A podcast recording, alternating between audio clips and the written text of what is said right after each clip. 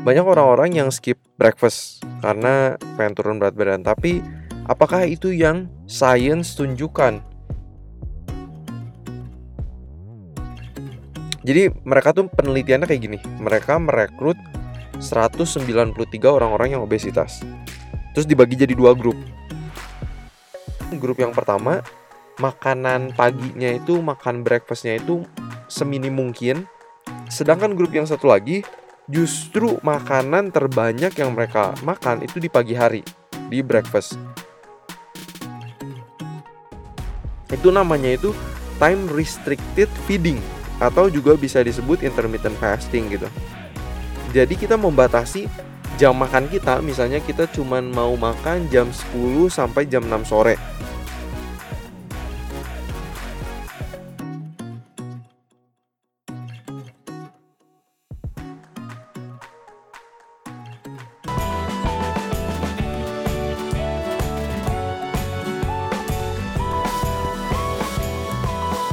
Hai, gue Willy Yonas.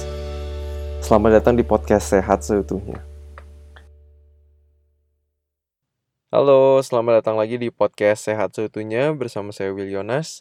Terima kasih buat teman-teman yang udah selalu rutin mendengarkan podcast Sehat Seutuhnya. Kita juga suka mendapatkan komentar-komentar atau feedback yang sangat-sangat positif. Jadi kita bersyukur dan saya senang kalau misalnya podcast ini berguna buat kehidupan kalian dan itu harapan saya kita udah lagi ngomongin soal turun berat badan nih dan kita sekarang sudah sampai di episode ketiga. Di episode pertama kita udah bahas juga ternyata obesitas itu sudah dihitung sebagai penyakit ya oleh American Medical Association.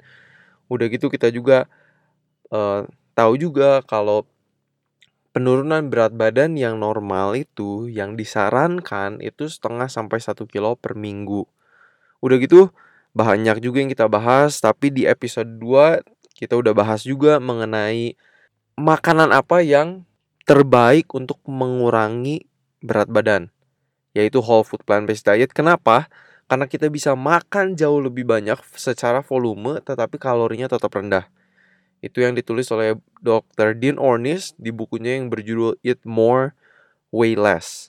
Ya, kalau makan makanan nabati, kita bisa makan banyak tapi tetap turun berat badan. Itu yang kerennya dari whole food plant based diet. Nah, di episode yang kali ini turun berat badan partnya yang ketiga kita sekarang bakal ngebahas kapan kita harus makan. Apakah misalnya kita perlu skip breakfast, jangan makan breakfast kalau mau turun berat badan atau misalnya skip lunch atau skip dinner. Apa sih yang harus kita lakuin dan porsinya kayak gimana? Apakah misalnya makan pagi itu makanan yang paling besar yang harus kita miliki? Apakah makan siang? Apakah itu makan malam? Jadi kita sebenarnya lebih akan bahas di sini meal timing dan juga yang disebut juga intermittent fasting. Puasa intermittent ini lagi rame, jadi kita bakal bahas juga soal itu dan bagaimana puasa itu juga bisa membantu kita untuk turun berat badan buat yang pengen turun berat badan. Semoga pembahasan ini akan menjadi berkat dan kalian bisa mendapatkan informasi yang berguna dan bisa dipraktekkan. So, let's start.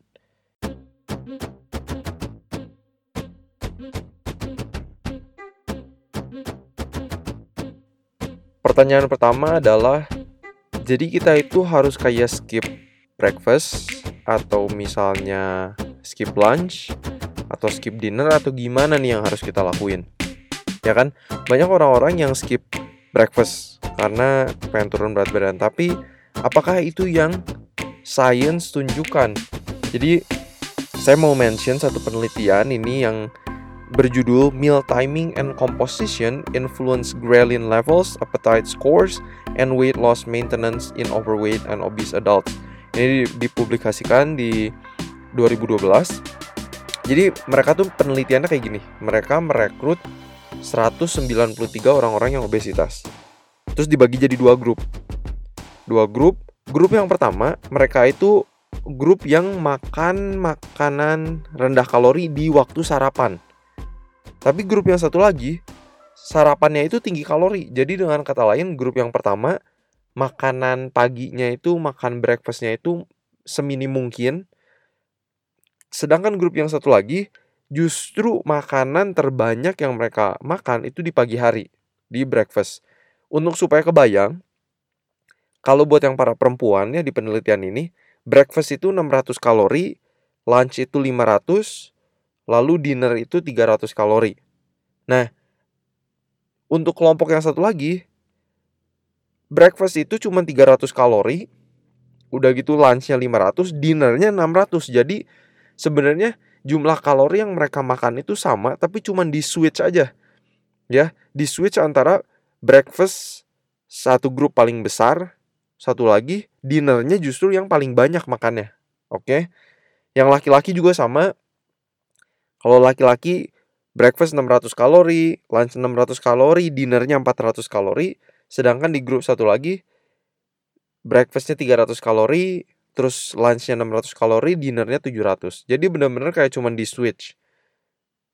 Oke, sekali lagi supaya kebayang buat teman-teman yang lagi denger podcast ini, satu grup mau laki-laki atau perempuan, grup yang pertama itu breakfastnya paling besar, grup yang satu lagi breakfastnya paling kecil dan dinnernya yang paling besar. Oke. Nah, penelitian ini 32 minggu, tapi ini yang mereka temukan di 16 minggu pertama. Ternyata dua-duanya mengalami penurunan berat badan. Buat orang-orang yang sarapannya paling rendah tapi dinernya paling besar, turun sekitar 15 kilo. Wow, gede kan maksudnya dalam 4 bulan turun 15 kilo I think it's huge. Nah sedangkan di grup yang makan paginya paling besar makan malamnya paling kecil itu cuman berkurangnya 13,5 kg jadi kurang kalah 1,5 kilo lah ya. Itu di minggu ke-16 tapi ini yang kita mau lihat di minggu ke-32 nih. Menarik banget grup yang makan paginya sedikit tapi makan malamnya paling besar, di minggu ke-32 mereka naik 11,6 kg. Oke. Tapi sedangkan di grup yang makan paginya paling besar, makan malamnya paling kecil, itu terus turun 6,9 kg lagi.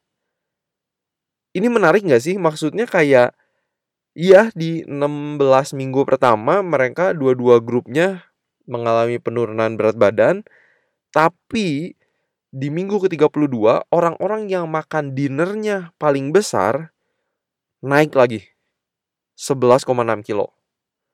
Sedangkan orang-orang yang makan paginya paling besar dan makan malamnya yang paling kecil itu terus turun 6,9 kilogram lagi. Ini tuh nyambung banget sama perkataan uh, dalam bahasa Inggris.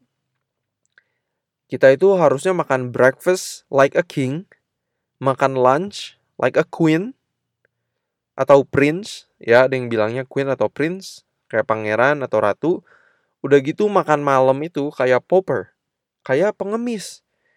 Sedangkan rata-rata orang justru kebalikannya, justru pagi yang makannya sedikit karena biasanya kita rusuh karena mau sekolah, karena mau kantor, nggak ada waktu untuk nyiapin makanan. Dan sore-sore ada waktu untuk nyiapin makanan dan makan malam biasanya jadi makan malam yang terbesar. Kebalikan banget.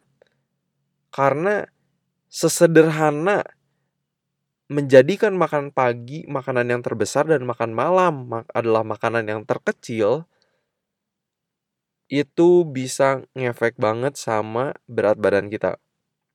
Ya. Apalagi kalau dikombinasikan dengan makan whole food plant based diet, efeknya itu bisa powerful banget. Powerful banget. Jadi untuk hal yang pertama ini saya juga mau ngajak teman-teman untuk cobain deh switch makan pagi itu jadiin makan yang terbesar, makan malam itu makanan yang terkecil. Dan ini tuh nyambung juga sama siklus alam gitu. Karena kan kalau pagi masuk akalnya kayak kita matahari terbit, kita udah siap mau aktivitas. Kita harus makan banyak supaya kita punya energi untuk beraktivitas untuk hari itu gitu kan. Sedangkan kalau malam kita udah mau tidur, udah mau istirahat, kita nggak butuh terlalu banyak kalori, ya kan? Dan kita makannya sedikit aja supaya nggak jadi penumpukan lemak atau nggak naik tur eh, nggak naik timbangan karena makan banyak di malam hari. Di situ tadi saya cuma mention satu penelitian, tapi banyak juga penelitian yang lainnya. Kayak ini ada penelitian yang lain yang dilakukan di Silver Spring, Maryland. Konsepnya sama, jadiin makan pagi yang paling besar dan makan malam yang paling sedikit dan mereka ngelihat drastic weight loss gitu. Tanpa ini ini tuh penelitiannya bener-bener cuman ngeganti eh, jadi makan pagi yang terbesar dan makan malam yang terkecil tanpa mengganti uh, makanan apa yang dimakan gitu loh. Jadi kalau saya lihat kalau uh, menjadikan makan pagi ini makanan yang terbesar dan makan malam yang terkecil dicampur dengan plant based diet itu powerful banget. Itu powerful banget. Ini penelitiannya judulnya High Caloric Intake at Breakfast versus Dinner Differentially Influences Weight Loss of Overweight and Obese Women. Ini dilakukan di Silver Spring, Maryland. Jadi sebenarnya itu tips yang pertama, jadiin makan pagi makanan yang paling besar dan jadikan makan malam adalah makanan yang paling kecil. Itu tips yang pertama. Buat yang kedua, sekarang kita akan bahas mengenai intermittent fasting atau puasa intermittent. Ini tuh yang lagi rame banget juga belakangan ini cukup heboh dan banyak juga penelitian-penelitian yang sudah dilakukan uh, mengenai intermittent fasting ini untuk weight loss. Nah, emang pertamanya itu ditesnya di uh, hewan dulu, terutama tikus, dan akhirnya peneliti-peneliti ini ngeliat, wow ini kayaknya efeknya itu gede banget dan bisa menolong orang-orang yang punya obesitas dan akhirnya dites di manusia gitu. Dan sebenarnya banyak penelitian manusia juga masih limited, nggak terlalu banyak uh, karena banyaknya itu di tikus. Cuman saya akan bahas beberapa penelitian yang sudah dilakukan di manusia. Nah, pertama sebenarnya kenapa sih intermittent fasting ini kira kira-kira bisa membantu weight loss gitu ya. Jadi kalau kita lagi makan nih, kita lagi kita makan nasi, misalnya kita makan ubi, singkong ya, sumber-sumber karbohidrat.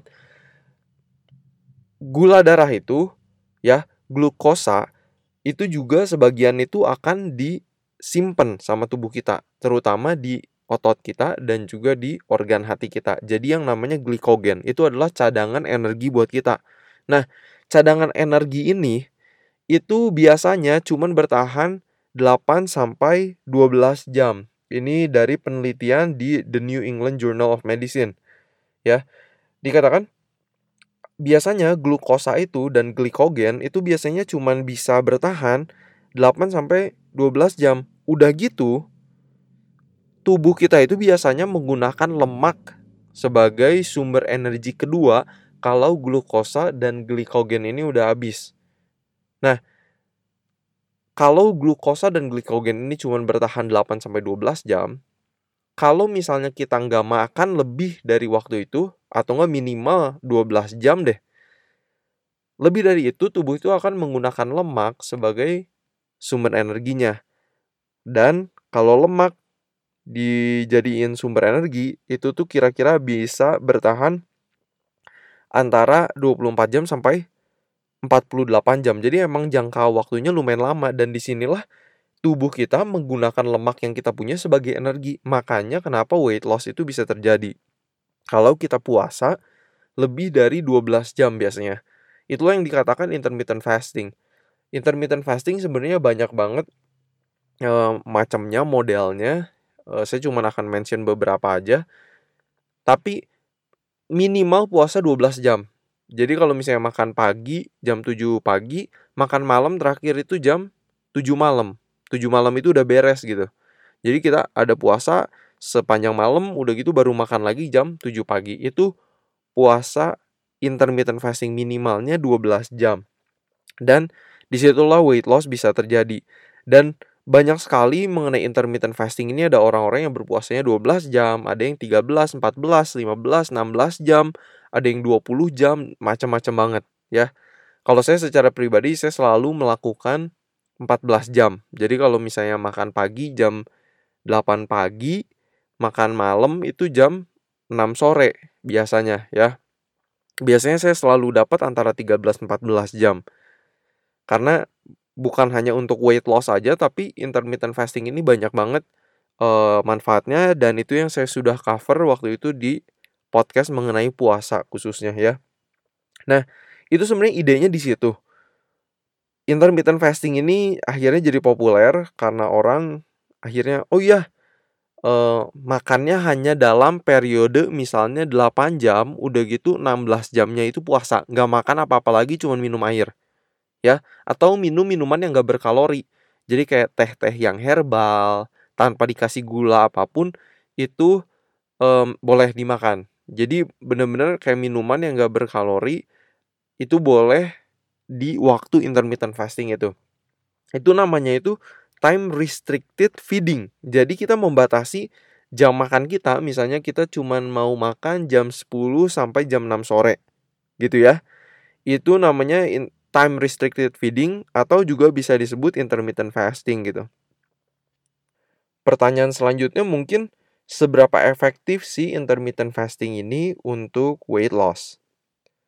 Saya mau mention satu penelitian yang judulnya itu Effects of 8-Hour Time Restricted Feeding on Body Weight and Metabolic Disease Risk Factor in Obese Adults a Pilot Study.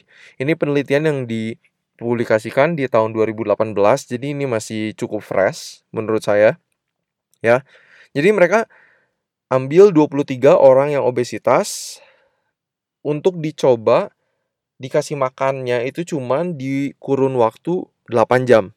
Dari jam 10 pagi sampai jam 6 sore itu mereka cuma boleh makan di antara jam itu, ya. Nah, 23 orang yang obesitas lagi itu di kontrol grup, jadi mereka nggak melakukan perubahan apa-apa, mereka tetap makan e, kayak biasa dan rata-rata mereka itu makan dalam waktu periode 11 jam. Jadi mereka dengan kata lain masih puasa 13 jam gitu. Sedangkan grup yang satu lagi yang mau diteliti, mau dicoba, itu makannya hanya dalam waktu 8 jam dan puasanya 16 jam. Oke. Nah, mereka ini dites dalam waktu 12 minggu jadi 3 bulan ya. Dan menarik banget sih, cukup menarik. eh, orang-orang yang makannya dalam waktu 8 jam dan puasanya 16 jam, mereka turun sekitar 3 kilo ya. Ingat ini penelitiannya itu tanpa merubah makanan yang biasanya jenis-jenis yang mereka makan gitu. Maksudnya masih ada daging dan lain-lain kan. Jadi nggak dicampur whole food plant based diet. Jadi dalam tiga bulan turun 3 kilo not bad maksudnya satu kilo satu bulan daripada tidak ada pengurangan sama sekali terus uh, masa lemak tubuhnya emang sudah dites juga jadi rata-ratanya 42 kilo turun jadi 40 kilo masa lemaknya. Jadi emang lemaknya yang berkurang. Jadi ini cukup menarik sih. Maksudnya kayak makan dalam waktu 8 jam, puasa 16 jam juga bisa membantu menurunkan berat badan karena orang-orang yang di control group yang makan dalam waktu 11 jam puasanya 13 jam mereka nggak mengalami perubahan dalam berat badan gitu. Jadi mungkin buat buat teman-teman yang punya struggle untuk turun berat badan mungkin puasa 12 jam itu kurang. Ya. Puasa dalam 12 jam itu kurang dan bisa dicoba, bisa dicoba untuk puasa jadi 14 jam. Jadi makannya itu cuma dalam kurun waktu 10 jam. Dan ini tuh aman banget karena karena kita tetap makan kayak biasa, cuman waktunya aja lebih sempit gitu loh. Nah ini bukan berarti juga kayak kita bisa makan apa aja dalam waktu yang sempit itu karena ada beberapa orang yang mempraktekannya seperti itu kayak oh ya saya pokoknya makan dalam waktu 6 jam misalnya terus saya makan apa aja es krim mau makan makanan yang tinggi kalori dia nggak peduli. Tapi untuk 18 jam selanjutnya mereka puasa gitu. Kalau saya sih e, nyaraninnya kenapa kita nggak makan sehat dan tambah puasa juga gitu jadikan makanan pagi kita makanan yang terbesar, makan malam kita yang terkecil dan ya itu salah satu beberapa hal yang kita bisa lakukan untuk membantu weight loss. Jadi buat teman-teman ini tips yang kedua, coba deh puasa minimal 12 jam. Kalau mau lebih lebih bagus kayak 14 jam karena banyak banget benefit lain-lainnya dari fasting ini, dari puasa ini bagus banget buat otak. Jadi tubuh kita itu ada proses yang namanya autophagy. Jadi bersih bersih tubuh ngebener-benerin sel yang sel sel-sel yang udah rusak. Jadi kayak banyak banget gitu benefitnya dan ini tuh aman banget untuk dilakukan. Ya minimal 12 jam puasanya bisa 14 jam bisa 16 jam tapi tetap makan kayak biasa ya. Kita juga tetap butuh makan yang cukup untuk mendapatkan nutrisi-nutrisi yang cukup. Dan sebenarnya itu yang saya mau sharing hari ini yang pertama itu tadi tipsnya jadikan makan pagi makanan yang terbesar, makan malam makanan yang terkecil. Tips yang kedua itu adalah intermittent fasting ini. Jadi biasakan untuk setiap hari puasa minimal 12 jam. Kalau mau lebih bagus dan itu sangat akan bisa membantu juga untuk weight loss. Jadi itu informasi yang saya mau bagiin hari ini. Semoga informasinya bermanfaat, teman-teman bisa praktekin ya ilmu-ilmu dari episode 1, episode 2, episode 3 mengenai turun berat badan. Semoga ini bisa bermanfaat. Tolong share juga informasi-informasi ini kalau emang kalian ngerasa ini worth it untuk di-share ke teman-teman kalian yang struggle soal ini. Semoga informasi ini tuh bisa merubah hidup mereka ya, memiliki kualitas hidup yang lebih baik, berat badan yang ideal sampai mereka bisa percaya diri juga. Jadi share buat teman-teman buat keluarga. Bisa share di Instagram kalian di WhatsApp kalian di di mana pun yang kalian mau share deh ya. Jadi itu dari saya. Minggu depan kita akan bahas turun berat badan part yang terakhir. Kita akan bahas apakah olahraga itu bisa membantu penurunan berat badan juga. Ya ini yang banyak orang uh, pengen tahu juga karena banyak juga mindset yang masih berpikir kayak oh ya saya bisa makan apa aja asal saya olahraga saya aman. Atau saya bisa tetap turun berat badan. Apakah itu benar? Kita akan lihat penelitian penelitiannya minggu depan. Dan sampai nanti semoga kita sehat seutuhnya